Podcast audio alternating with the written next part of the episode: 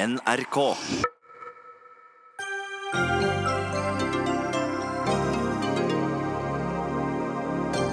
Politikerne klagde over en valgkamp med få saker, men den største saken fikk liten oppmerksomhet.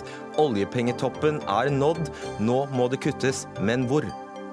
Har valgkamp i Norge, sa du? Vel, smak på disse slagordene fra den tyske valgkampen. Nye tyskere, det lager vi selv. Burkaer, vi liker bikinier bedre.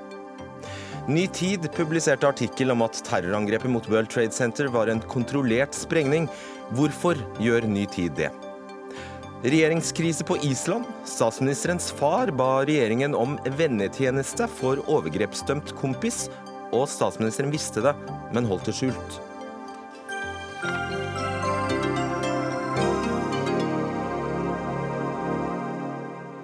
Vel møtt til ukas siste Dagsnytt 18. Jeg heter Fredrik Solvang.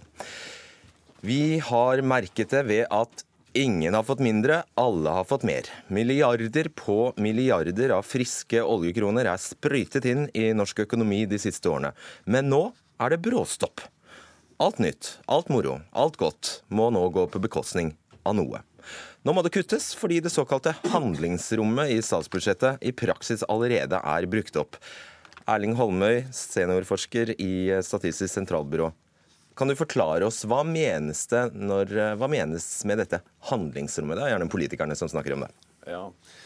Nei, i, i, når vi snakker om statsbudsjett eller offentlige finanser, som er noe annet enn hva landet har til rådighet, så snakker vi rett og slett om hvor mye inntekter har det offentlige å rutte med ved inngangen til et år, i forhold til hva man har lyst til å bruke penger på. Men sånn som det brukes i daglig, så er det nok mer sånn at når vi kommer inn i et år og sammenligner med fjoråret, så er spørsmålet hvor mye ekstra har vi fått mm. i 2018 i forhold til hva vi har hatt i 2017, i forhold til hvor mye utgiftene har steget med. Og Da er det også viktig å ta hensyn til at en god del av utgiftene de er regelstyrt. Det er veldig sjelden slik at man reviderer veldig mye på disse utgiftsanslagene. Hva betyr regelstyrt? Det er f.eks. pensjonssystemet. Eh, altså at du er berettiget til å få en god del ytelser. Så det følger rett og slett av et regelverk. Eh, mange skatter er også regelstyrt, selvfølgelig. Ehm, men her er det jo mye å si at hittil så har oljeinntektene som vi har kunnet bruke ifølge handlingsreglene, de har økt mye hvert eneste år. Eh, men nå er vi i en fase hvor vi på en måte har nådd, begynner å nærme oss taket, slik at økningen blir i fall mye mindre enn den har vært før, og liten etter hvert i forhold til altså hva vi skal bruke pengene på. Men det er jo samtidig sånn at vi har aldri hatt mer oljepenger å bruke. Vi har mye mer oljepenger å bruke og feste for nå enn vi hadde for ti år siden. Men det er da prioriteringene kommer inn. Eh, Kjersti Haugland, sjeføkonom i eh, DNB. For til nå har det faktisk vært slik at norske politikere antagelig har vært eh, enestående i en enestående situasjon i, i verden. De har altså egentlig ikke vært nødt til å prioritere. På hvilken måte vil vi merke at dette handlingsrommet eh, nå er borte? Vi vil nok merke at de politiske debattene i forbindelse med statsbudsjettet kommer til å bli tøffere. Fordi at det er ikke lenger rom til både å bruke av nettopp inntektene eh, til å gi skattekutt, eh, eller til å øke utgiftene over et bredt antall områder. Fordi nettopp, som ble sagt her, eh, den økningen i oljepengebruken den må være betraktelig mye mer moderat enn det den har vært de siste fire årene. Og Det betyr òg at norsk økonomi får en mindre kraftig vekstmotor eh, i tida som kommer, fra eh, offentlige budsjetter. Den private delen av økonomien må klare seg bedre. Eh, kan vi prøve å overføre dette i Hvor mange milliarder snakker vi om som da ikke er tilgjengelige i, til, til ja, morsomme satsinger, da? Ja, for å illustrere, da. De siste fire åra så har uh, oljepengebruken økt med 96,3 milliarder. De neste fire åra så kan vi øke oljepengebruken med 15 milliarder. Det er jo en betraktelig nedgang eh, i forhold til den foregående fireårsperioden. Og betyr altså at en må uh, prioritere sterkere mellom de gode formålene som finnes der ute. 98 milliarder altså på fire år. Hva er det disse milliardene er brukt på? Hvordan har vi merket det, uten å kanskje ha tenkt over det? Ja, Det har vært brukt på mange ting. Altså, Hvis vi skulle holdt oss til den utgiftsveksten man har hatt, så ville jo skattene måtte vært uh, en god del høyere, selvfølgelig, hvis vi ikke hadde hatt disse oljeinntektene. Og Det har jo vært mye av vitsen med oljeinntektene. Altså, Oljeinntekter er såkalt grunnrente. Det er det beste skattegrunnlaget. Så det bør man iallfall bruke til å betale for offentlige, offentlige utgifter med. Så det, jeg vil tro at det i første rekke har ført til at man har finansiert offentlig utgiftsvekst eh, med grunnrente, altså bruk av oljepenger fremfor eh, skatter på andre ting. Og gi, gi noen eksempler på, på uh, hvilken utgiftsvekst som vi har merket. Ja, vi har jo hatt barnehageløftet. Hvis vi skal peke på noe spektakulært, uh, så er vel det veldig viktig her. Jeg kan ikke huske tall for akkurat hvor mye det har kostet, men det har jo blitt spredt utover på, på mange formål. Vi er jo nå inne i fortroppen på eldrebølgen. altså De er jo passert pensjonsalder, særlig etter at den ble 62. Og Vi merker jo nå mye større vekst i pensjonsutgifter. Der må det skyttes til at den veksten kommer som en eh, type forskudd. Vi har jo fått en pensjonsreform som alltid på veldig lang sikt gjør at vi får mye mindre pensjonsutgifter. Men akkurat eh, de årene vi har inne i nå, så vil pensjonsutgiftene øke fordi det er mange flere som kan ta ut pensjon fra 62. Ikke sant. Kjersti Hauland, kan du prøve å forklare eh, Hvis vi gjør et regnestykke uten oljepenger, hvordan er ståa i Norge, AS Norge da? Ja, altså Uten oljepenger så er det jo klart at eh, vi bruker mer enn hva vi har av inntekter. Eh, som sagt, Da har vi et underskudd på statsbudsjettet, og det er nettopp det som blir finansiert av eh, da, disse pengene, oljepengene. Og hva er det da vi bruker såpass masse penger på? Eh, det er jo i forhold til andre land. Vi skiller oss ikke så veldig masse ut på hva slags fordeling vi har eh, i utgiftspostene, men vi bruker betraktelig mye mer penger per hode i Norge på helse, bl.a og på utgifter knytta til sykdom og uførhet. I tillegg til at vi bruker mer eh, penger per hode på samferdsel. Selv om kanskje mange ikke tror det, så gjør vi faktisk det. Og nå sammenligner du f.eks. med land det ville være rimelig å se hen til, type Finland, Danmark, vestlig industrialiserte velferdssamfunn. Ja. Og Tyskland f.eks. Ja, Holmer? Ja, eh, Her er det veldig viktig å ta hensyn til at en stor del av de offentlige utgiftene i Norge det går til å finansiere privat forbruk. Hvordan da? Jo, det er fordi i Norge så har vi på en måte fritatt eh, enkeltpersoner for å spare eller forsikre seg til de årene hvor du, skulle, hvor du ikke kan forsørge deg selv. Og Det gjelder spesielt alderdommen. Også folketrygden, det at du betaler inn folketrygdepremie og du har rettigheter til alderspensjon, det fritar deg jo for å spare til det. Du får uføretrygd fra folketrygden hvis du blir ufør, du får sykepenger hvis du blir syk. Disse ordningene de, altså de utgjør ca. 40% så vidt jeg husker, av offentlige utgifter i Norge. Hvis man ser på det som det brukes, produseres av tjenester til subsidierte eller gratis priser, altså eldreomsorg, helse, utdanning Jeg hørte du sa at helse brukte vi mye på. De beregningene jeg gjorde for noen år siden, riktignok, det, det tyder på at vi lå ganske midt på treet hvis, hvis, vi måler dette på det jeg mener er den riktige måten. Men vi ligger altså ikke spesielt høyt og ikke spesielt lavt. Spesielt så er det mest privatfinansierte helsevesenet vi kjenner i vår del av verden, er USA. Der bruker de mye mer helsekroner enn, enn i Norge. Men eh, dette må jo ses i sammenheng med at uh, vi skattefinansierer i det hele tatt veldig mye. Vi skattefinansierer på en måte den forsikringen det ligger i å ha konsummuligheter når du ikke selv jobber. Og vi betaler en god del av prisen for utdanning, helse, og eldreomsorg gjennom skatt istedenfor egenandeler. Og da lurer vi jo egentlig alle på, når, eh, når vi nå går eh, ja, eh, vanskeligere tider i, i møte, er det da snakk om at man eh, også i Norge vil, eh, vil måtte ha egenandeler på typ kreftmedisiner, helsehjelp eh, og sånt noe? Vil vi komme dit? På et eller annet tidspunkt, om ikke altfor lenge, så havner vi òg i en situasjon her i Norge der økningen i handlingsrommet, som vi har snakka om her, ikke er nok til å nettopp betale for økningen i utgiftene. Eh, som ligger der i statsbudsjettet pga. aldringen i befolkningen. Og Da er en nødt til å se på eh, diverse eh, muligheter for å eventuelt øke skatter eller redusere utgifter. og Da er jo det en av de måtene politikerne kan velge å gjøre det på. Men det blir jo et politisk spørsmål hvordan en ønsker å gjøre det på.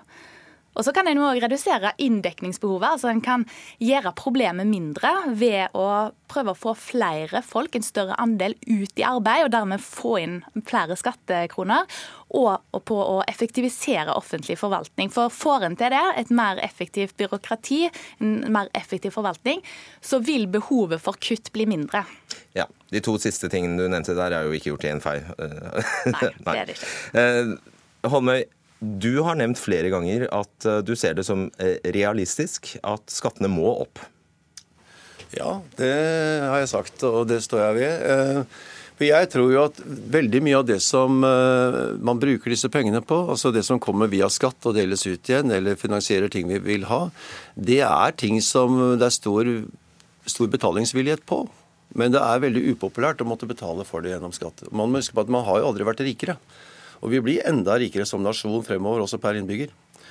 Så realøkonomisk, som vi økonomer pleier å si, så, så er vi egentlig ikke noen krisesituasjon. Men det er altså en mye større beløp som skal omfordeles fra yrkesaktive til yrkespassive, altså eldre, yngre, syke osv., som fordi vi i Norge vil at de skal ha omtrent den samme veksten i inntektene og levekårene som de som jobber. Og Det blir, er et politisk eh, vanskelig og, og budskap å vinne et valg på. Hvis man ikke klarer det, det du sier, eh, Haugland, f.eks. øke arbeidstilbudet, altså at flere kommer i jobb, at de står lenger i, i, jobb, eller at det vil være så politisk, eller at det er for politisk vanskelig rett og slett å kutte i trygder, for å si det brutalt. Hva da?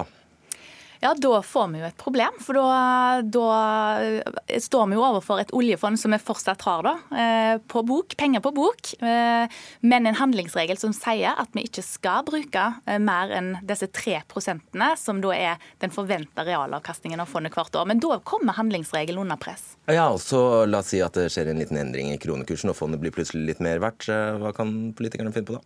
Ja, en viss krone, hvis oljefondet blir mer verdt, så har en òg direkte mer handlingsrom eh, gjennom handlingsregelen. Er det penger de burde bruke, Holmer?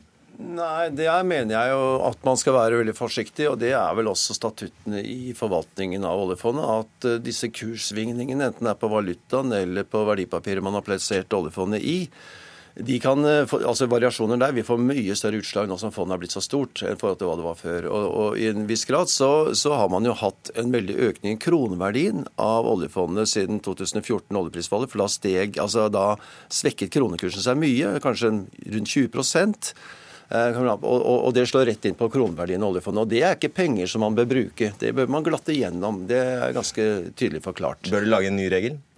Altså en tilleggsregel? Ja, nå har de jo laget en ny regel. De har det, så de har utredet dette en tilleggsregel. Jeg skal ikke prøve å forbedre den her på sparket. Det skal jeg ikke. Eh, Haugland, hvor viktig er det vi snakker om nå, egentlig? Det er jo veldig viktig, for det handler jo om velferdsstaten vår og hvordan den kommer til å utvikle seg framover. Behovet vårt blir større og større fordi vi blir en stadig eldre befolkning, og kravene våre blir høyere og høyere. Samtidig som det nok kommer til å gå opp for eh, folk etter hvert at oljefondet, selv om det er veldig veldig stort, nesten 8000 milliarder kroner, så er det faktisk ikke en så stor pengekasse når det gjelder å nettopp finansiere staten. Det holder ikke så veldig mange år med de pengene, så vi er nødt til å jobbe mer og få inn skattepenger for at vi skal beholde det systemet eh, som vi har. Holmøy, eh, vi har hatt et utvalg eh, på, i sving som har pekt på disse utfordringene. Hvordan syns du politikerne har, eh, har, svart? Har de vært ærlige med oss om dette? Ja, nå er jeg ikke helt sikker på hvilket av disse utvalgene du tenker på, men Det er ikke jeg heller. men altså, jeg, jeg, kjenner jo godt hva politikerne pleier å svare til dette, og det går på to ting. Det ene er vel at man appellerer til at man, man mener man skal arbeide mer. Og det er klart, Får man til det, så har det veldig sterk effekt i et land som Norge. fordi Per arbeidstime så betaler vi veldig mye skatt. Vi betaler inntektsskatt på det vi tjener i lønn. Bedrifter betaler arbeidsgiveravgift. Og på det vi har produsert som blir solgt, det betaler vi mye moms og indirekte skatter på. Så det er veldig effektivt. Men det er altså ikke noe direkte tiltak som kan kommandere folk til å arbeide mer. Det er flere og flere som selv velger arbeidstid. Både hvor mye mange timer de jobber per dag eller per uke, og hvor mye fri de tar når de begynner arbeidslivet og når de slutter arbeidslivet. Og dette er også et et spørsmål som i stor grad avgjøres av partene i lønnsforhandlingene, tariffoppgjørene.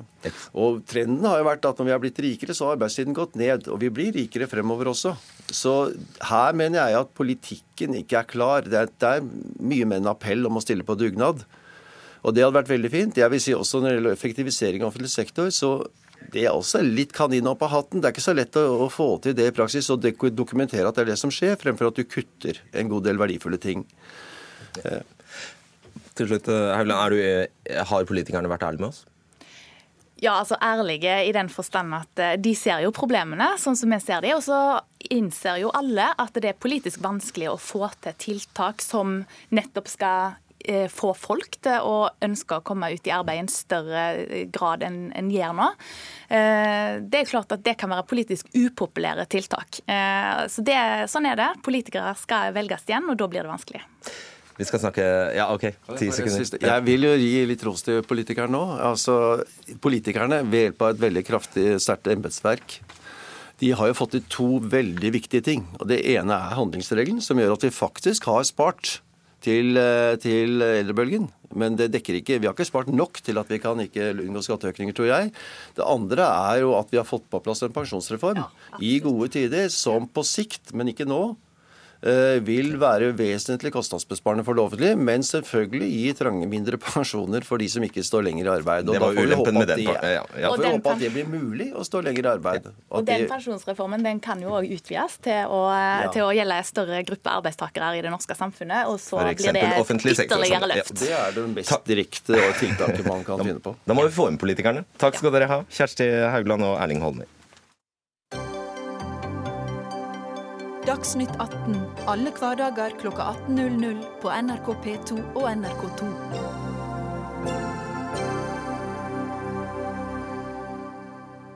Ja, hvis vi holder oljeinntektene utenfor, har norsk økonomi gått med dundre underskudd de siste fire årene, faktisk med nær 200 milliarder kroner hvert år. Men det er det altså få av oss som er klar over, og enda færre som er bekymret over, later det til. Grunnen er selvfølgelig at dette underskuddet er dekket inn av Erna Solberg med 759 milliarder oljekroner i løpet av sin, eh, hennes regjeringsperiode. Men når sant skal sies, de andre partiene er ikke stort bedre. I sine alternative budsjetter ville alle bruke om lag like mye oljepenger. Det er altså ikke mengden oljepenger det har vært diskusjon om, snarere hva man bruker eh, penger på. Nå skal, eh, viser alle prognosene at uh, alle nye tiltak vil måtte gå på bekostning av noe annet. Litt sånn som de gjør i andre land. Så hvorfor i alle dager var, ikke, var det ikke dette valgkampen handlet om? Svein Flåten, finanspolitisk talsperson for Høyre. Jeg syns jo absolutt at valgkampen også handlet om eh, det, og det er jo det valgkamper bør eh, handle om. Eh, vi er helt avhengig av nå i fremtiden å sørge for at vi får reformer i offentlig virksomhet som gjør at vi kan jobbe mer effektivt. Vi må øke produktiviteten, vi må få inn mer moderne teknologi osv. Og i tillegg må vi få flere folk i jobb, for det er det som lager en større kake, sånn at det blir mer å dele, slik at vi kan holde velferdssamfunnet oppe og investere i de tingene som er nødvendig. Og til det programleder sier om hva man skal investere i, ja, det har denne regjeringen gjort eh, sterkere enn det tidligere regjeringer har gjort, nemlig ved å investere i kunnskap, i skole, i utdannelse, i samferdsel og i skattelettelser som kan fremme veksten. For da får du færre passive, flere aktive. Skatteinntektene øker. Og dette syns jeg økonomene som var foran oss her, var altfor lite inne på. For det er jo det som bygger det hele, ikke bare å si at nei, nå må vi skrive ut mer skatter til befolkningen. Tord Husveit, du er leder i Unge Venstre. Arbeiderpartiet viste jo i valgkampen til at dette handlingsrommet var på ca. 6, eller kommer til å bli på ca. 6 milliarder i året. Så, hvis du trekker fra eh, Nasjonal transportplan og langtidsplan for Forsvaret, så sitter du igjen med 1 milliard eh, kroner. Hva er det første du ville kuttet når det, når det er situasjonen? Nei, jeg tror man må gjøre mange ting eh, framover. Og det viktigste å huske på nå er hva dette handler om. Og det handler om våre barn og barnebarn og neste generasjon. Eh, og hvis vi ikke tar noen grep nå, så kommer det til å bli veldig smertefullt eh, for de. Eh, vi i Unge Venstre har tatt til orde for at vi må tørre å se på noen større velferdsreformer, f.eks. sykelønn. Både fordi det gir en inndekning, men også fordi det vil gi flere i arbeid. Eh, og jeg er helt enig med Svein Flåtten eh, i at det er viktig å få økt arbeidstilbudet. Eh, men så ser man jo at Så både, folk går syke på jobb, da, det er det som er tanken? Nei, Man har jo sett i land som har gjort endringer, at det har ført til lavere sykefravær og flere i jobb. Og jeg tror jo at både Høyre, Arbeiderpartiet altså Uansett hvem du hadde tatt inn hit, ville alle sagt det er viktig å få flere i jobb. Og det har det vært eh, hele veien, men så ser man jo at både under den rød-grønne regjeringa falt sysselsettingsandelen. Eh, vi har ikke greid å få den opp disse fire årene. Eh, men hvis du går til land som Tyskland og Sverige, så har de greid det. Og det de har gjort, er at de har turt å gjennomføre noen sånn litt større kontroversielle reformer som har fått opp sysselsettingsandelen og fått flere i jobb. Altså. Ja, både pisk og gulrot er viktig. ja. Men jeg tror sånn, det å, det å gi en gulrot har jo en kostnad. Eh, og da er man avhengig av å ha noen ressurser til å gjøre det. Og ser man at nå har man jo brukt opp veldig mye av det handlingsrommet, og da må man kanskje tenke litt eh, nye baner. Trond Giske, nestleder i Arbeiderpartiet. En, du prøvde jo, det, det skal sies. Du skal hadde denne, ja, det skal du ha, denne kassa med blyanter der du skulle forklare at her var, det ikke, her var det ikke noe igjen, og så kom du med dine 15 eh, blyanter, som, som da innebar en, en satsing. Men heller ikke i ditt eh, regnskap fortalte du eh, eller snakket du om at noe må kuttes. Selv med disse 15 så vil vi komme i en situasjon der noe må kuttes. Nei, men vi prøvde virkelig å få opp denne problemstillinga i valgkampen, så den, den, debatten her kommer en uke for seint. Eh, det vi sa i valgkampen var jo at vi i årene framover kommer til å stå for mye tøffere valg. Eh, på statsbudsjettet. Eh, og vi sa jo eldreomsorg og skole er viktigst, foran skattekutt. Skattekutt reduserer jo inntektene i dette regnskapet. Eh, men vi fikk jo ikke liksom fullt gehør for det, og en av grunnene til det var jo at folk hadde opplevd at det var gitt skattekutt. Og det var blitt velferdsøkning på sentrale områder nettopp fordi at oljepengebruken nesten var dobla. 20 milliarder ekstra i året i oljepengebruk, det, det, altså er en sånn svimlende sum. Eh, og en dobling av underskuddet på statsbudsjettet, som jo helt riktig Holmøy sier, fører til at framtidige generasjoner må betale mer skatt enn de ellers ville gjort. Så du gir skattekutt i dag for å gi skatteøkning for barn og barnebarn. Og det er da vi sa at dette kan ikke fortsette. Men regjeringas egne papirer sier at dette ikke kan fortsette. For i nasjonalbudsjettet står det at oljepengebruken skal kuttes, altså økninga skal kuttes fra 20 milliarder året til 4 milliarder året. Altså det er en kutt på 80% i den veksten. Og da blir det utrolig mye tøffere å lage statsbudsjett. Og det blir en hard landing, tror jeg, når vi skal lage disse statsbudsjettene. Vi får håpe og satse på å få flere unge inn i arbeid, sørge for at vi bremser den enorme veksten i unge uføre. Eh, sørge for økt sysselsettingsandel, som vi også prøvde å snakke om i valgkampen. Det kan hjelpe noe, men at det blir tøffere, er helt sikkert. Og hva, hva har, kan, du, kan, du, kan, du, bare peke på ett område der du eh, tenker ja, der, der kan man kutte? Svein Flåtten. Jeg vil ikke snakke om kutt, jeg snakker om reformer. Ta selskapet Nye Veier som har en eh, utbyggingsportefølje på rundt 150 milliarder kroner, og hvor det er beregnet, og man ser resultatet, at man kanskje kan spare 20% men la meg si litt mindre. Da snakker vi altså om en betydelig besparing, altså 30 milliarder kroner. Du later som man sparer penger på å bruke mye penger på å bygge vei? Man bygger eh, mer effektivt, ja, rimeligere. Det koster penger å bygge vei? Raskere, ja, men det koster penger, men man, det skal man bygge uansett. Dette vil jo kunne gi penger som kan brukes på annen måte. Ja, det skjønner jeg, men ser du ikke du ser, Jeg håper du ser, ser poenget mitt, at når du, du klarer altså selv ikke etter en valgkamp å peke i retning av et område der du mener det er mulig å kutte. Jeg eh, er mer på den andre siden. Jeg vil stimulere til vekst. Eh, jeg hører at de som har vært her før, jeg hører også Trond Giske si at man skal kutte, man skal ha skatteøkning. Jeg hører heller ikke han si hvor han skal kutte hen. Men det, kan, eh, det viktigste er at vi får flere i jobb, og at vi stimulerer ja, folk til vi. å jobbe. Syns ikke velgerne fortjener å vite sånn cirka hvor det skal kuttes? For det må kuttes.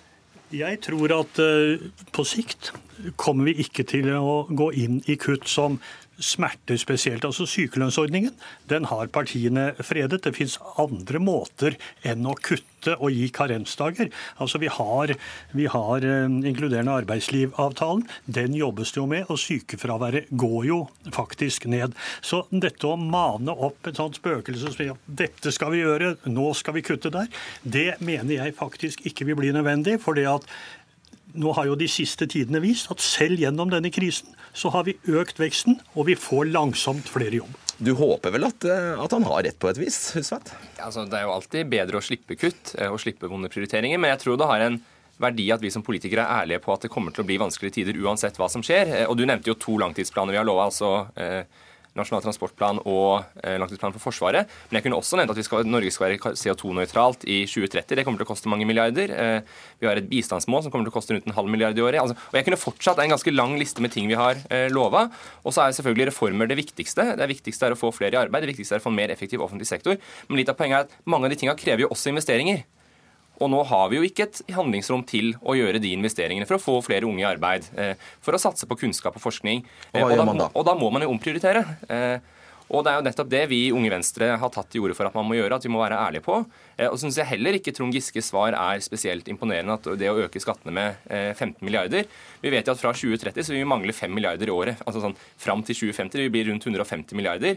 Eh, og jeg tror virkelig ikke et Norge som skal omstille seg bort fra oljesektoren og finne noe nytt å gjøre, er tjent med 150 milliarder kroner i skatteøkning. Her må man klare å reformere, man må klare å investere, men man må også kanskje gjøre noen prioriteringer. Og Dere har jo selv eh, poengtert at det er, en moderat, moderat skatteøkning dere har eh, gått inn for. 15 milliarder i denne sammenhengen her, statsbudsjett på 1500 eh, milliarder.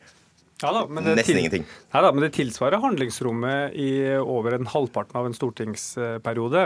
Så litt utgjør det. Men du kan jo si at hvis du i tillegg sier nei til skattekutt på 20 milliarder, så blir den forskjellen da tilsvarende større.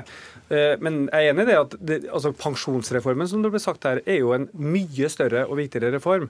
Eh, og den sparer jo ikke først og fremst ved at pensjonene blir kutta. Først og fremst så gir den oss en gevinst ved at det er mye mer lønnsomt å kombinere pensjon og arbeid. Det er mer fleksibelt. Du får mange Først flere. og fremst må jeg jobbe mye lenger. Du må jobbe litt lenger, jeg må jobbe litt lenger. Eh, eh, så, så, så, så aldersjusteringa er det viktigste, og at det er mer fleksibelt. Men det er positivt at vi får eh, den type reformer. Og den tror jeg i 2060 sparer oss for noe sånt som 220 milliarder kroner i året. Men dette har jo økonomene som nettopp var her, det har de tatt med i betraktning når de sier at ja, ja, ikke sant? De har men, tatt med det. Men, men, det er den type reformer som fullstendig har vært fraværende disse uh, fire årene. Svein Flåtten snakker om Nye Veier, og det er riktig at man besparer ser jo f.eks. E6 ut av Trondheim sør for Trondheim. Spares det tror jeg, en halvannen milliard fordi man dropper en del avkjøringer og veikryss. Altså man investerer mindre. Det er greit, det. Det er kanskje fornuftig, men da må man være så ærlig å si at da får man mindre investering, altså mindre veibygging. Men det er den type tøffe valg vi antagelig står overfor. Og det er det så, det da det blir så utrolig feil, to ting. Å kutte inntektene og det blir utrolig feil å ikke gjøre mer for at utenforskapet faktisk øker. Men heller ikke du. Ja. men vi hadde en 50 ja, økning i unge uføre. Vet du hva det koster per år? Det koster 45 milliarder kroner i nåverdi at 3000 nye unge uføre går ut varig av arbeidsmarkedet. Det skjønner vi, Men heller ikke du greier å peke på noe område der du mener det bør kuttes. Nei, men dette, Hadde du bare kunnet holdt unge uføre konstant, så hadde du spart mange milliarder i året. I tillegg til at du hadde gitt dem mye bedre livsmuligheter okay. og livskvalitet ved at de kunne deltatt i arbeidsmarkedet istedenfor å dette ut. Jeg tror generelt vi skal være enige om at det å henge opp et enkeltområde er tydeligvis vanskelig for alle. Men vi må dempe de generelle forventningene til hva statsbudsjettet kan gjøre for deg i årene fremover. Det er det fremtidsutsiktene peker på. Og så må vi gjennom litt langsiktige reformer sørge for at vi får noe mer handlingsrom. Da, vil, da har jeg et spørsmål til deg som jeg håper du kan svare ærlig på. Altså Antallet eldre her i landet over 67 år vil dobles de neste årene. Det vil være 1,5 million eldre velgere. Hvilket parti som ikke er suicidalt, vil fri til dem? Nei, Det tror jeg eh, alle vil gjøre, og det vil være helt nødvendig at man gjør. Men man skal ikke bare fri til dem med noe man vil gi dem. Man skal også gi dem muligheter. Det kan være mange eldre som vil jobbe mer, f.eks. Det fins ganske mange Det der tror du nesten ikke på selv. Ja, jeg er et godt eksempel. Men, eh, men, eh, men, det er jo faktisk sånn at man må ta hensyn til alle befolkningsgrupper. fordi at partier som har tenkt å legge seg spesielt ut med noen befolkningsgrupper, de får jo aldri gjennomført Nei, det de egentlig ønsker. Og det er mitt ærlige svar. Og derfor skal ikke noen spesielt ta noe fra de eldre. Det er jo helt hensiktsløst. Men samtidig så må vi også til de, til alle grupper, si at man må dempe de forventningene som man har om at ting skal øke og stadig bli litt men da, bedre. Da er mitt eh, litt retoriske, men også veldig konkrete spørsmål, Svein. Skal disse dempede forventningene bare gjelder uføre som får penger i barnetillegget sitt kutta?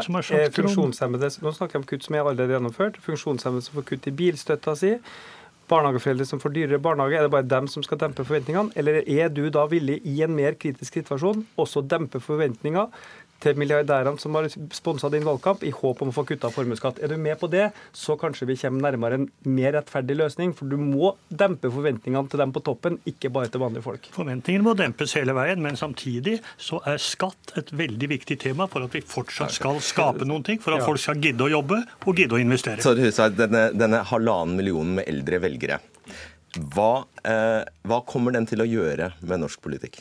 Nei, jeg tror de, den halvannen millionen eldre eh, er noen av de som taper mest hvis vi ikke klarer å gjennomføre reformer. For de kommer til å trenge, de er noen av de som virkelig kommer til å trenge bedre offentlige tjenester, bedre eldreomsorg, bedre sykehus. Eh, og hvis vi ikke klarer å øke handlingsrommet og gjennomføre noen omprioriteringer, så kommer vi ikke til å ha mulighet til å tilby de, de tjenestene. Ja, Men de har det Holmøy kaller rettighetsfestede uh, ytelser. Altså de, du må en lovendring til, til, for å ta noe fra dem eller endre noe på deres, uh, deres uh, ytelser. Det er klart, Jeg frykter at standarden på en del av de velferdstjenestene vil gå ned, selv om de er lovfestet og de vil få de.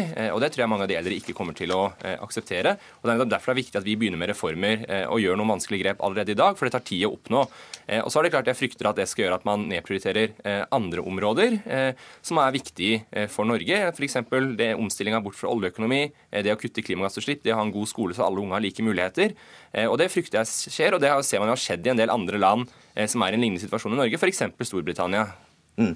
Giske, dere, dere, har jo brukt en del tid på å kritisere regjeringen for oljepengebruken, men dere salderer altså et budsjett selv med skarve 4 milliarder mindre i oljepenger. Ja, så dere, dere, dere, ville havnet i nøyaktig altså fått kritikken fra motsatt side? Ja da, og det der er jo litt av det politiske spillet. Det er klart det er veldig vanskelig å lage statsbudsjett fra opposisjonen med mange titalls mindre oljepenger enn det regjeringa legger opp til. Men det er, For da er det et signal.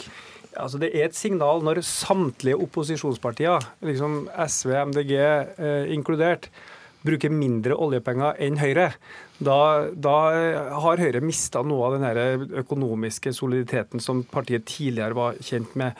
Og eh, Selvfølgelig kan du ikke rette opp 20 milliarder, altså 80 milliarder ekstra oljepengebruk på fire år eh, på kort tid, men hadde vi i hvert fall brukt de 80 milliardene mer fornuftig på å investere for framtida, både i klimateknologi eller i velferdsteknologi, eller i det som skal til for å ruste opp helsevesenet. Men det er jo ikke der pengene har gått. De har gått, i hvert fall i stor grad, til disse skattekuttene som da ikke gir ekstra vekstgevinst. Og Det er det som er litt bittert. at du når du først bruker så mye oljepenger, at ikke du bruker det på en måte som ruster oss for framtida. Det er, fint, ja, okay. det er fint endelig å høre at Arbeiderpartiet erkjenner at eh, de har ikke noe annen oljepengebruk enn det vi har. Det er ikke noe vanskeligere å lage alternative budsjetter enn å lage de egentlige budsjettene. Det er faktisk enklere. Jeg tror det viktigste i årene fremover rett og slett blir å få mer handlingsrom gjennom reformer i det offentlige. Vi har stått på for veldig mange reformer. Og heldigvis så ble de partiene som ville stoppe alle reformer, de ble ikke innsatt i regjeringen.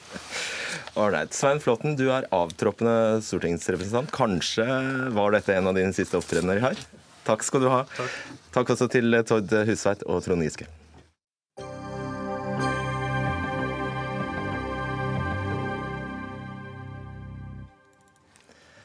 Om halvannen uke går over 60 millioner tyskere til urnene for å stemme på ny nasjonalforsamling.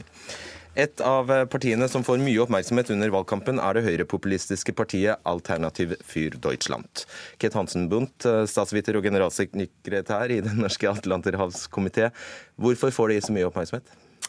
Fordi det er første gang i tysk etterkrigshistorie at du har et høyrepopulistisk parti som eh, kan komme inn i forbundsdagen. Eh, de ligger nå mellom 9 og 10% på målingene. Dette er altså et parti som ble dannet for bare fire år siden, i 2013, og som gjør det så bra på nasjonalt nivå. Mm. Så de har altså ikke hatt noe til høyre for eh, CDU og, og altså kristen, de, de kristenkonservative? Nei. Det har aldri vært uh, i Tyskland, og i hvert fall ikke sånn at de har kommet inn i forbundsdagen. Vi har hatt noen småpartier som har sittet i delstatsforsamlinger, men ikke i forbundsdagen. Så dette er helt nytt. Hva slags parti er de? Ja, De ble dannet i 2013 av noen økonomiprofessorer som et anti-euro-parti. Altså De var motstandere av fellesvalutaen, som de mente var konfliktskapende, og som de mente burde avvikles så tiltrakk de seg ganske mange andre proteststemmer, eh, protestmennesker, som var litt sånn anti-establishment, og ikke minst anti-innvandring. Og de kuppet partiet sommeren 2015, og fikk da en boost høsten med den store flyktningkrisen i Tyskland. Sånne partier trekker jo surstoff av kriser. Så det er den store finanskrisen og den store flyktningkrisen som har gjort at Tyskland nå har et sånt parti. Mm. Guri Nordstrøm, NRKs korrespondent i eh, Berlin. Um, ja. Hvordan er stemningen under valgkampen der? Ja, man ser jo tydelig at det er valg på gang med alle valgplakatene som står overalt. Men utover det så har denne valgkampen av kommentatorer her blitt betegnet som veldig kjedelig. Det har bare vært én eneste TV-debatt mellom de to som da er kandidater til forbundskanslerposten, altså Merkel og Schulz. Og den debatten ble av flere analytikere kalt for en duett snarere enn en duell. Og årsaken til at de sier at dette er så kjedelig, er at det er så opplagt at Merkel vil bli forbundskansler for fjerde gang. I tillegg til at det har vært vanskelig å se forskjellene på de to store partiene, Kristendemokratene og Sosialdemokratene, i denne valgkampen. Fordi de har sittet i samme regjering de siste fire årene, så har det også vært vanskelig for dem å gjensidig kritisere hverandre. Men det som er interessant i denne valgkampen, det er jo da hovedsakelig to ting, vil jeg si. Det ene er hvordan, eh, hva slags regjering vi får etter dette valget. For kristendemokratene blir nødt til å ha med seg noen i tillegg til seg selv. Eh, og så er det spennende å se hvor store alternativ for Tyskland kan bli. På den siste meningsmålingen som kom i går, så ligger de an til å få 12% og de kan altså da bli det tredje største partiet. Hvordan håndterer Merkel eh, alternativ for, for Deutschland, da? Ja, hun reagerte særlig på en kommentar som partiets toppkandidat eh, Alexander Gauland kom med. Han sa at hun som er regjeringens integreringsansvarlige, som har tyrkisk bakgrunn, burde deponeres i Tyrkia, etter at hun hadde sagt at det ikke finnes noen spesifikk tysk kultur. Noe à la denne debatten som det også har vært i Norge om norske verdier. Eh, Merkel kalte denne kommentaren fra FD-toppen for rasistisk, men ellers så er jo hun generelt mye mer forsiktig på alle måter måter eh, enn noen av sine regjeringskollegaer. Sånn som Utenriksministeren har jo f.eks. kalt AFD for nazister. Det ville aldri Merkel ha gjort. og Det er også fordi at hun vet at mange av dem som stemmer AFD nå, det er faktisk folk som tidligere stemte på hennes parti. Eh, Aftenposten gjengir i dag noen valgplakater fra eh, AFD, og de lyder vel noe sånt som 'Nye tyskere?' spørsmålstegn. Det lager vi selv og burkaer? spørsmålstegn. Vi liker bikinier eh, bedre på norsk. Eh, er AFD et nazist... Er det, er, er det noe hold i den påstanden om at AFD er et nazistisk parti? Punkt? Nei, de er ikke et nazistisk parti, men etter hvert høyreekstremt, høyrepopulistisk parti vil tiltrekke seg protestvelgere. Og det finnes nynazister i Tyskland, og de vil trekke til dette partiet. For det er her de vil føle seg hjemme. Og så har man altså, som det ble nevnt her, fått en ny ledelse som er ganske skarpe i sin antimuslimske og antiinnvandringsretorikk. Og jeg tror få skal betvile at de kommer til å lage en del bråk i forbundsdagen. De trekker konservative stemmer, men de trekker også andre typer proteststemmer. Eh, man må huske på at denne storkoalisjonen som Merkel har ledet de siste fire årene, eh, de sitter på 80% av stemmene i forbundsdagen. Det er bare to eh, opposisjonspartier, De Grønne og De Linke, som på sin side er ganske langt til venstre. Også en ytterfløyparti. Og erfaringen historisk sett har vært har man storkoalisjoner, altså hvor sosialdemokrater og kristeligdemokrater samarbeider, akkurat som om Høyre og Arbeiderpartiet skulle samarbeide i Norge, med en liten dæsj Kristelig Folkeparti, så vokser vingene i det politiske spekteret. Fordi da kommer protestene, fordi de andre kanaliserer ikke mm. disse stemmene. En slags lammelse, da. altså. Ja. Eh, Nordstrøm, fordeler de seg likt sånn geografisk og sosiokulturelt, altså, disse, disse velgerne?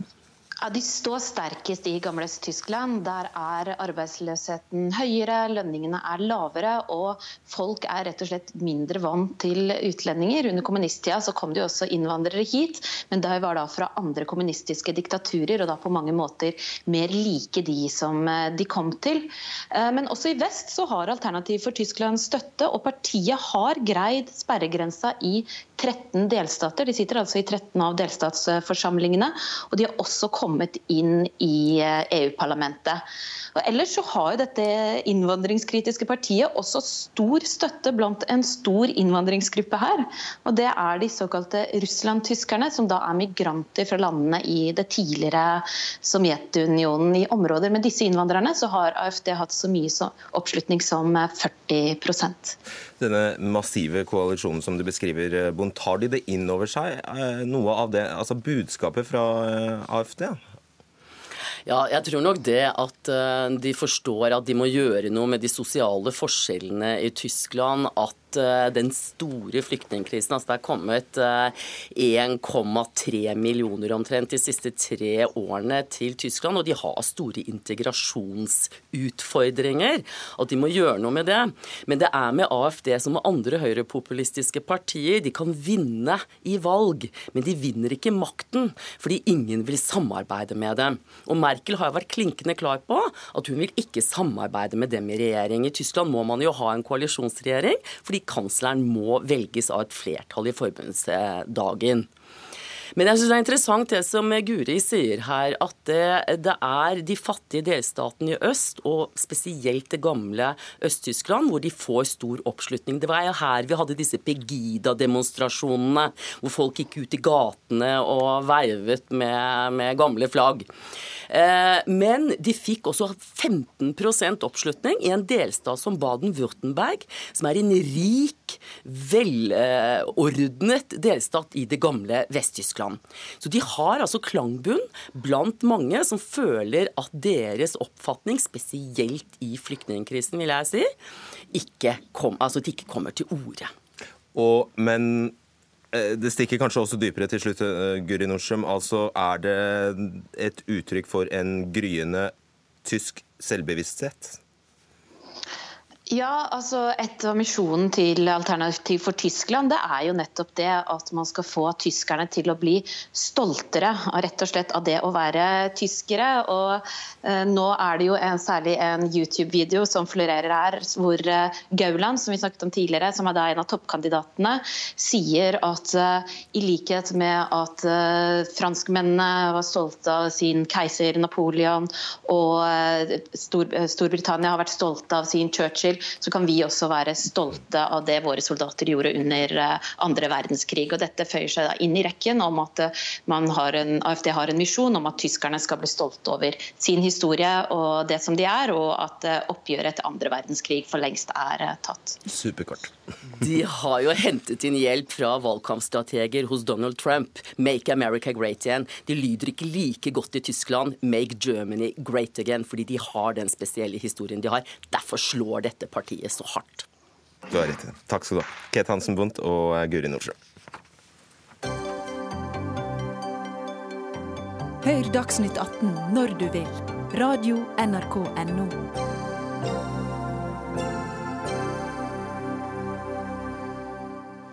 Månedsavisen Ny Tid publiserte i går en artikkel som sår tvil om at kollapsen av World Trade Center i New York kom som en følge av eh, terrorangrepet mot bygningene 11.9. I artikkelen hevdes det at det hele heller var en kontrollert sprengning. Truls Lie, du er ansvarlig redaktør i Ny Tid, som også distribueres til Klassekampens 20 000 abonnenter. Du er med oss på telefonen. Hvorfor publiserte dere denne artikkelen? Ja, hvorfor vi publiserte denne artikkelen? Det er jo mistenkelige forhold. Altså når vi ser en begrunnet mistanke, så ønsker vi å gripe tak i det.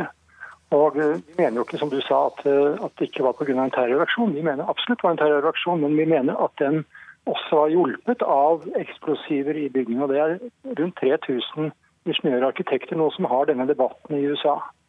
Det ønsket vi å formidle til Norge. Alright, så for å ha det på, eh, på det rene, Dere betviler selvfølgelig ikke at, at, flyene fløy inn og at det var et terrorangrep, men at selve kollapsen skyldtes flere årsaker, blant dem en kontrollert sprengning?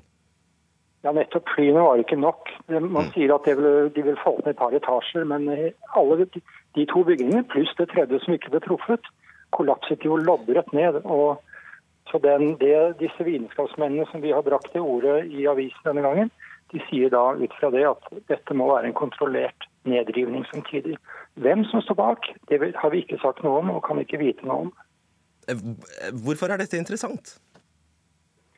Hvorfor det er interessant at det er kanskje den største hendelsen i vårt århundre som har preget krigen mot terror og muslimhets og det ene andre, kanskje har noen, si, noen sprekker i fortellingen som kom fra Bush-administrasjonen. Som en, si, en litt maktkritisk økoanarkistisk avis, så er det et klart tema for oss. Ja, Der kom du med en antydning, men du sa rett før det sa du at dere ikke antyder hvem som eh, kan ha hatt motiv. Kan du, kan du være tydelig? Nei, nei vi, ja, vi, går ikke lenger enn å, å, vise til at her er det vitenskapelige undersøkelser som sier at den hovedfortellingen som vel er svelget godt med her i Norge, den baserer seg på at det var flybensin som fikk det til å falle ned. Alt vi har gjort, er å si at nei, det var mer enn det. Hvem som står bak, det blir jo ren konspirasjon å holde på med. Det gjør ikke vi. Harald Klungtveit, du er ansvarlig redaktør i Filter nyheter. Du mener det var galt å publisere denne artikkelen, eller? Altså jeg, jeg verken kan eller vil hindre Truls Lie i, i, å holde på med dette. Men det som eh, berører meg, er at han, de, han framfører det jo som journalistikk og en, som en avisredaksjon. og Sånn fra utsida så ser jo Ny Tid veldig tung og seriøs ut. Masse tekst, eh, flott layout osv. Um, og så midtanliggende her er jo at altså, etter sånne monumentale hendelser som 9-11 altså, Det var nesten 3000 mennesker som ble, som ble, drept her. Så florerer det jo med rykter, eh, feilantagelser, eh, spekulasjoner, eh, ondsinna usannheter som er satt ut av ulike parter, propaganda osv. Um, og medienes viktigste oppgave, altså både da i den akutte situasjonen i dagene og ukene etter, men også i årene som følger, det er jo å, altså nettopp å skille, skille usannheter fra hva som stemmer, og hva som det er mulig å finne ut, og hva som, uh, hva som de aller, aller, fleste vil anse som riktig. Da. Og, Truls Lie gjør det stikk motsatte her. Han, han henter opp disse uh, I motsetning til hva han sier, så er de uh, høyst udokumenterte påstander. Eh, spekulasjoner som er tilbakevist eh, utallige ganger tidligere.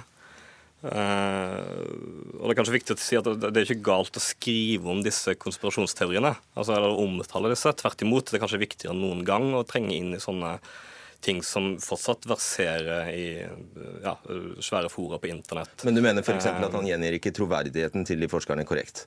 Nei, han, han, som vi hører nå, det overrasker meg faktisk litt at han, han, han slår jo fast at det, det var ikke flybensin som forårsaka det, osv. Mens det finnes jo masse tunge fagpersoner, veldig mange flere eh, på motsatt hold, som, eh, som, sier akkurat det, og som forklarer med helt ordinær eh, fysikk, materialkunnskap, ingeniørfaglig hvordan dette gikk til. Svar på det, Li.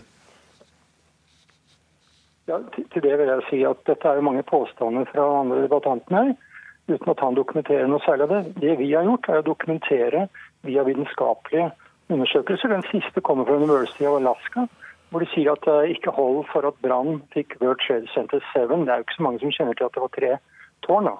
Det tredje tårnet... Det den studien der du viser til fra University of Alaska, den er vel ikke publisert? Eller den er vel ikke ferdig? Nei, men den, De har gått ut med, med, med en del data om den uh, det, det researcharbeidet gjør for tre millioner kroner. Som viser at uh, så langt de har jobbet med dette nå, et par år, så har de ikke funnet begrunnelser for at det er brann. Og at stålstrukturen falt ned så raskt. Det er jo det som er spennende med denne saken. er at, at man skulle tro at det var brann eller flybensin som fikk dette til å falle ned. Mens kontrollert nedrivende har kjennetegn. Og Dette er fakta. Dette er det man skal forholde seg til, og det er det vi ønsker at leseren skal gjøre. F.eks. den pulverisering som skjedde her. Ved en brann så detter det fra hverandre i blokker. Her pulveriserte det som en stor støvsky. Det falt ned på sekunder. Normalt under brann tar det minutter eller timer før det faller ned. Dessuten faller det ned asymmetrisk. Her falt det rett ned. Det er, det er bare noen av mange ting vi bringer i ny tid. Og Da mener du at det må ha vært sprengstoff der? ikke sant? Det er det som er din, din teori? Ja, det er også funnet sprengstoffprøver, nanotermite, i ruinene fire forskjellige steder, som er svært mistenkelig. At ting er mistenkelig, må vi jo bringe opp i offentligheten. Er ikke det, det er eh, litt av vår funksjon. Ja, Klungtveit, Du snakker om eh, journalistiske dyder her. Det er jo et helt, Han gir jo egentlig bare uttrykk for et veldig sunt instinkt her. Hadde man vært nysgjerrig, eh, gått inn i dette og gjort en vurdering av hvilke rapporter, hvilke såkalte eksperter osv.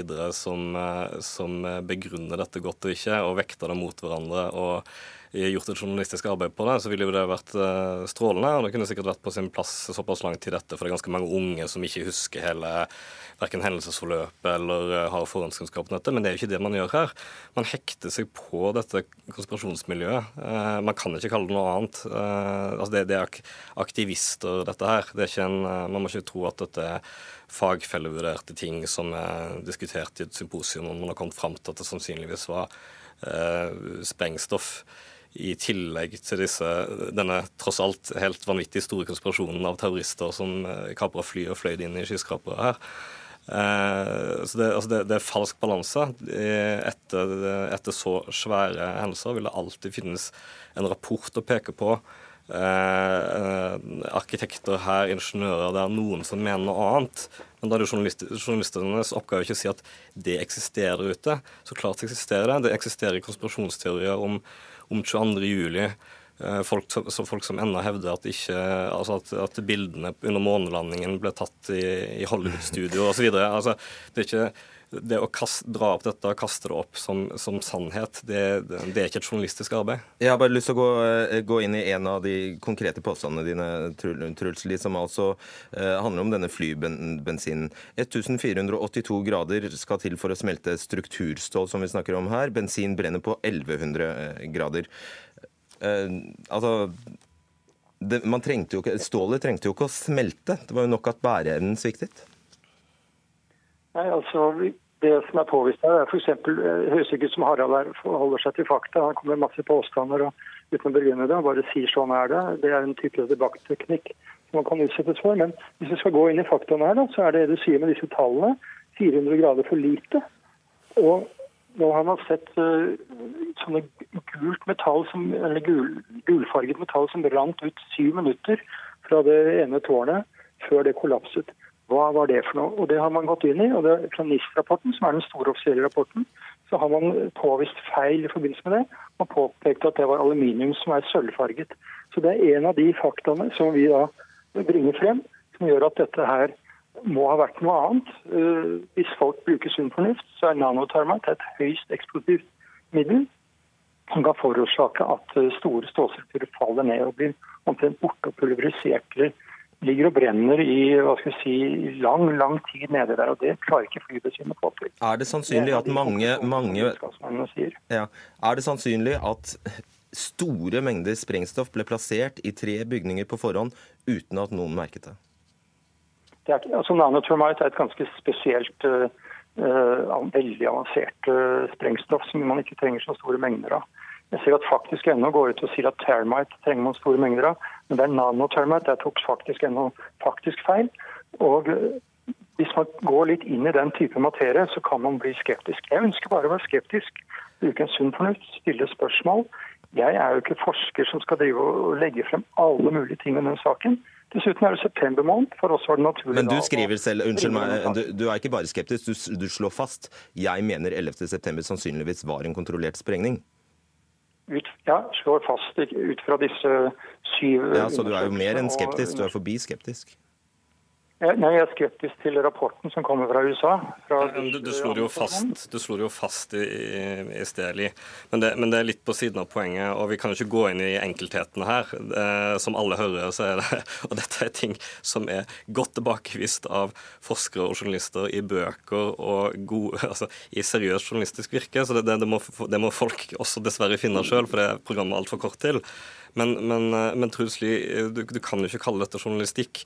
fordi eh, Du kaster opp den mest outrerte teorien. Det er den fremdeles. Det vil nesten alle andre være enige om. Og, og eh, til, til, og med sitter nå og, og slår den fast. Og da, da er vi ute på viddene. Altså. Ok, Veldig kort, Truls Lie. Ja, altså Man kan kalle dette alt mulig og si at det ikke er journalistikk. Jeg vet ikke. Jeg syns ikke det var så stort hold i den uh, argumentasjonen der. Okay. Argumentasjon må jo være det folk forholder seg til her. Se på argumentene i avisen. De går ikke lenger enn å påstå at dette var vitenskapelig belyst nå, og det syns vi at den norske befolkning bør få ha en større avis som setter ja, Men du har bare argumenter fra én side i avisen? OK, vi må sette strek der. Takk. Ja, vi må sette, beklager, Truls Lie. Vi må sette strek der. Fortsett i spaltene. Truls Lie og Harald Klungtvedt.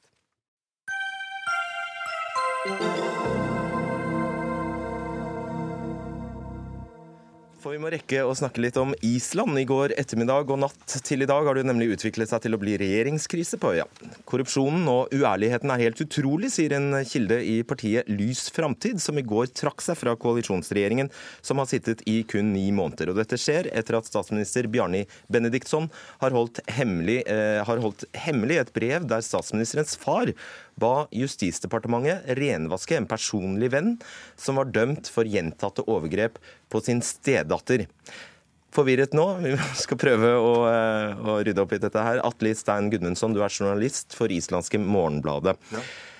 Her er det mange navn og mange årstall og brev. Forklar hvorfor et brev har blitt til en regjeringskrise.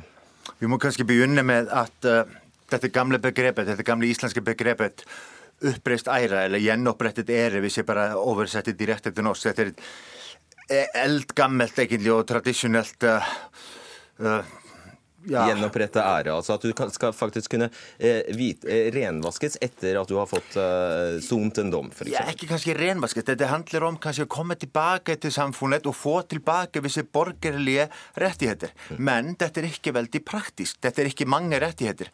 Dette handler om at du kan f.eks. stille til valg og du kan uh, få praktisere som advokat, og jeg tror listen går over kanskje 20 andre ting.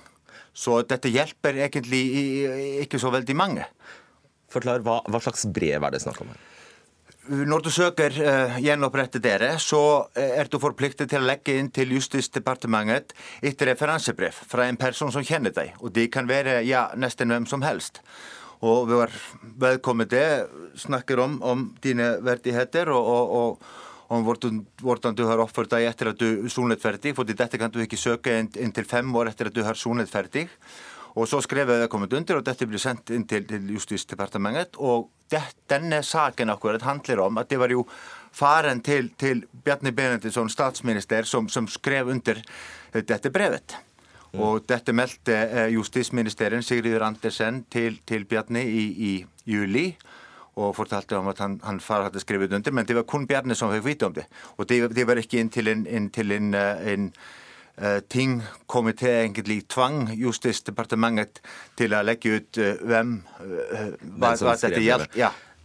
Men så er det at det blir krise fordi Bjarni Bendiksson da har holdt brevet hemmelig. Ja. Og eh, hans eh, motparter i regjeringen, Lysfremtid og Reformasjonspartiet, de, de påstår at de fikk vite om dette på mandag, men de fikk ikke vite om hva slags sak det handlet om. Det fikk de vite først i går. Og, og, og da er egentlig brekket helvete løs, som, som man sier. Og dette gikk ut i media, og at dette var en overgrepssak mot en barn, som er jo alltid veldig sterke saker. Ja, og dette, dette var en spesielt sterk sak, en kjent sak? Þetta er en veldig hent sag, en, en mann som ble domfelt í 2004 og fikk fem og halvt år, som er ekkert í uvanlige tungdom eh, í, í overgripsaker på Ísland. Eh, Forferdilegt að sýta, men eh, já, svona, svona er þetta bara fem og halvt år, þetta er veldig sterkt dom í svona saker. Og eftir að hann stúnleitt ferdig, svo opplefði hann að hann ble sagt upp frá jobb eftir jobb í allt 13 jobber, forstórið að hann sagði í eitt alveg rand intervjú, svo hann ekkert sögde uh, gjenopprette dere, selv om han ikke, hans yrke ikke var på, på den egentlige listen, den eldgamle listen over, over, over hva det dreier, dreier seg om. Og uh, og så, hans venn var altså da statsministerens far? Ja, eller som Benedikt Sveinsson sa, statsministerens far, at eh, de kjente hverandre gjennom fellesvenner. Det var det som han sa, og, og ikke skal jeg tvile på det, jeg har ikke peiling. Men det som det kanskje dreier seg om, er hvem det er som skriver under, og spørsmålet kanskje om, om valg til representanter av nasjonen skal kanskje fortelle om at de er innblandet i slike saker. Det spørs om det har med kanskje etikk å gjøre og, og, moralske saker og så videre, og dømmekraft. fordi du er jo valgt til å sitte i, ja, i sitte på tinget og ender opp i regjering for ditt land har dine landsmenn rett til å vite om sånne saker eller ei, når det gjelder så sterke ting som, som overgrep mot barn? Økonomiske skandaler er én ting, det kjenner vi islendinger veldig godt. Men kanskje når det gjelder seksuelle overgrep, så, så er det helt forskjellig. Og det er derfor som, som publikum på Island har reagert så, så veldig sterkt, som vi har sett nå. Det var faktisk det vi rakk, men det var veldig, veldig flott at du kunne komme og redegjøre ja, takk, for, for takk, for å stole på meg. Takk skal du ha, Atle Stein Gunnundsson. Og vi hører nok sikkert mer fra Island de kommende dagene. Ukas eh, aller siste Dagsnytt 18 er dermed over. Det var Fredrik Lauritzen som var ansvarlig for sendingen. Teknisk ansvarlig var Lisbeth Sellereite, og Fredrik Solvang var i studio.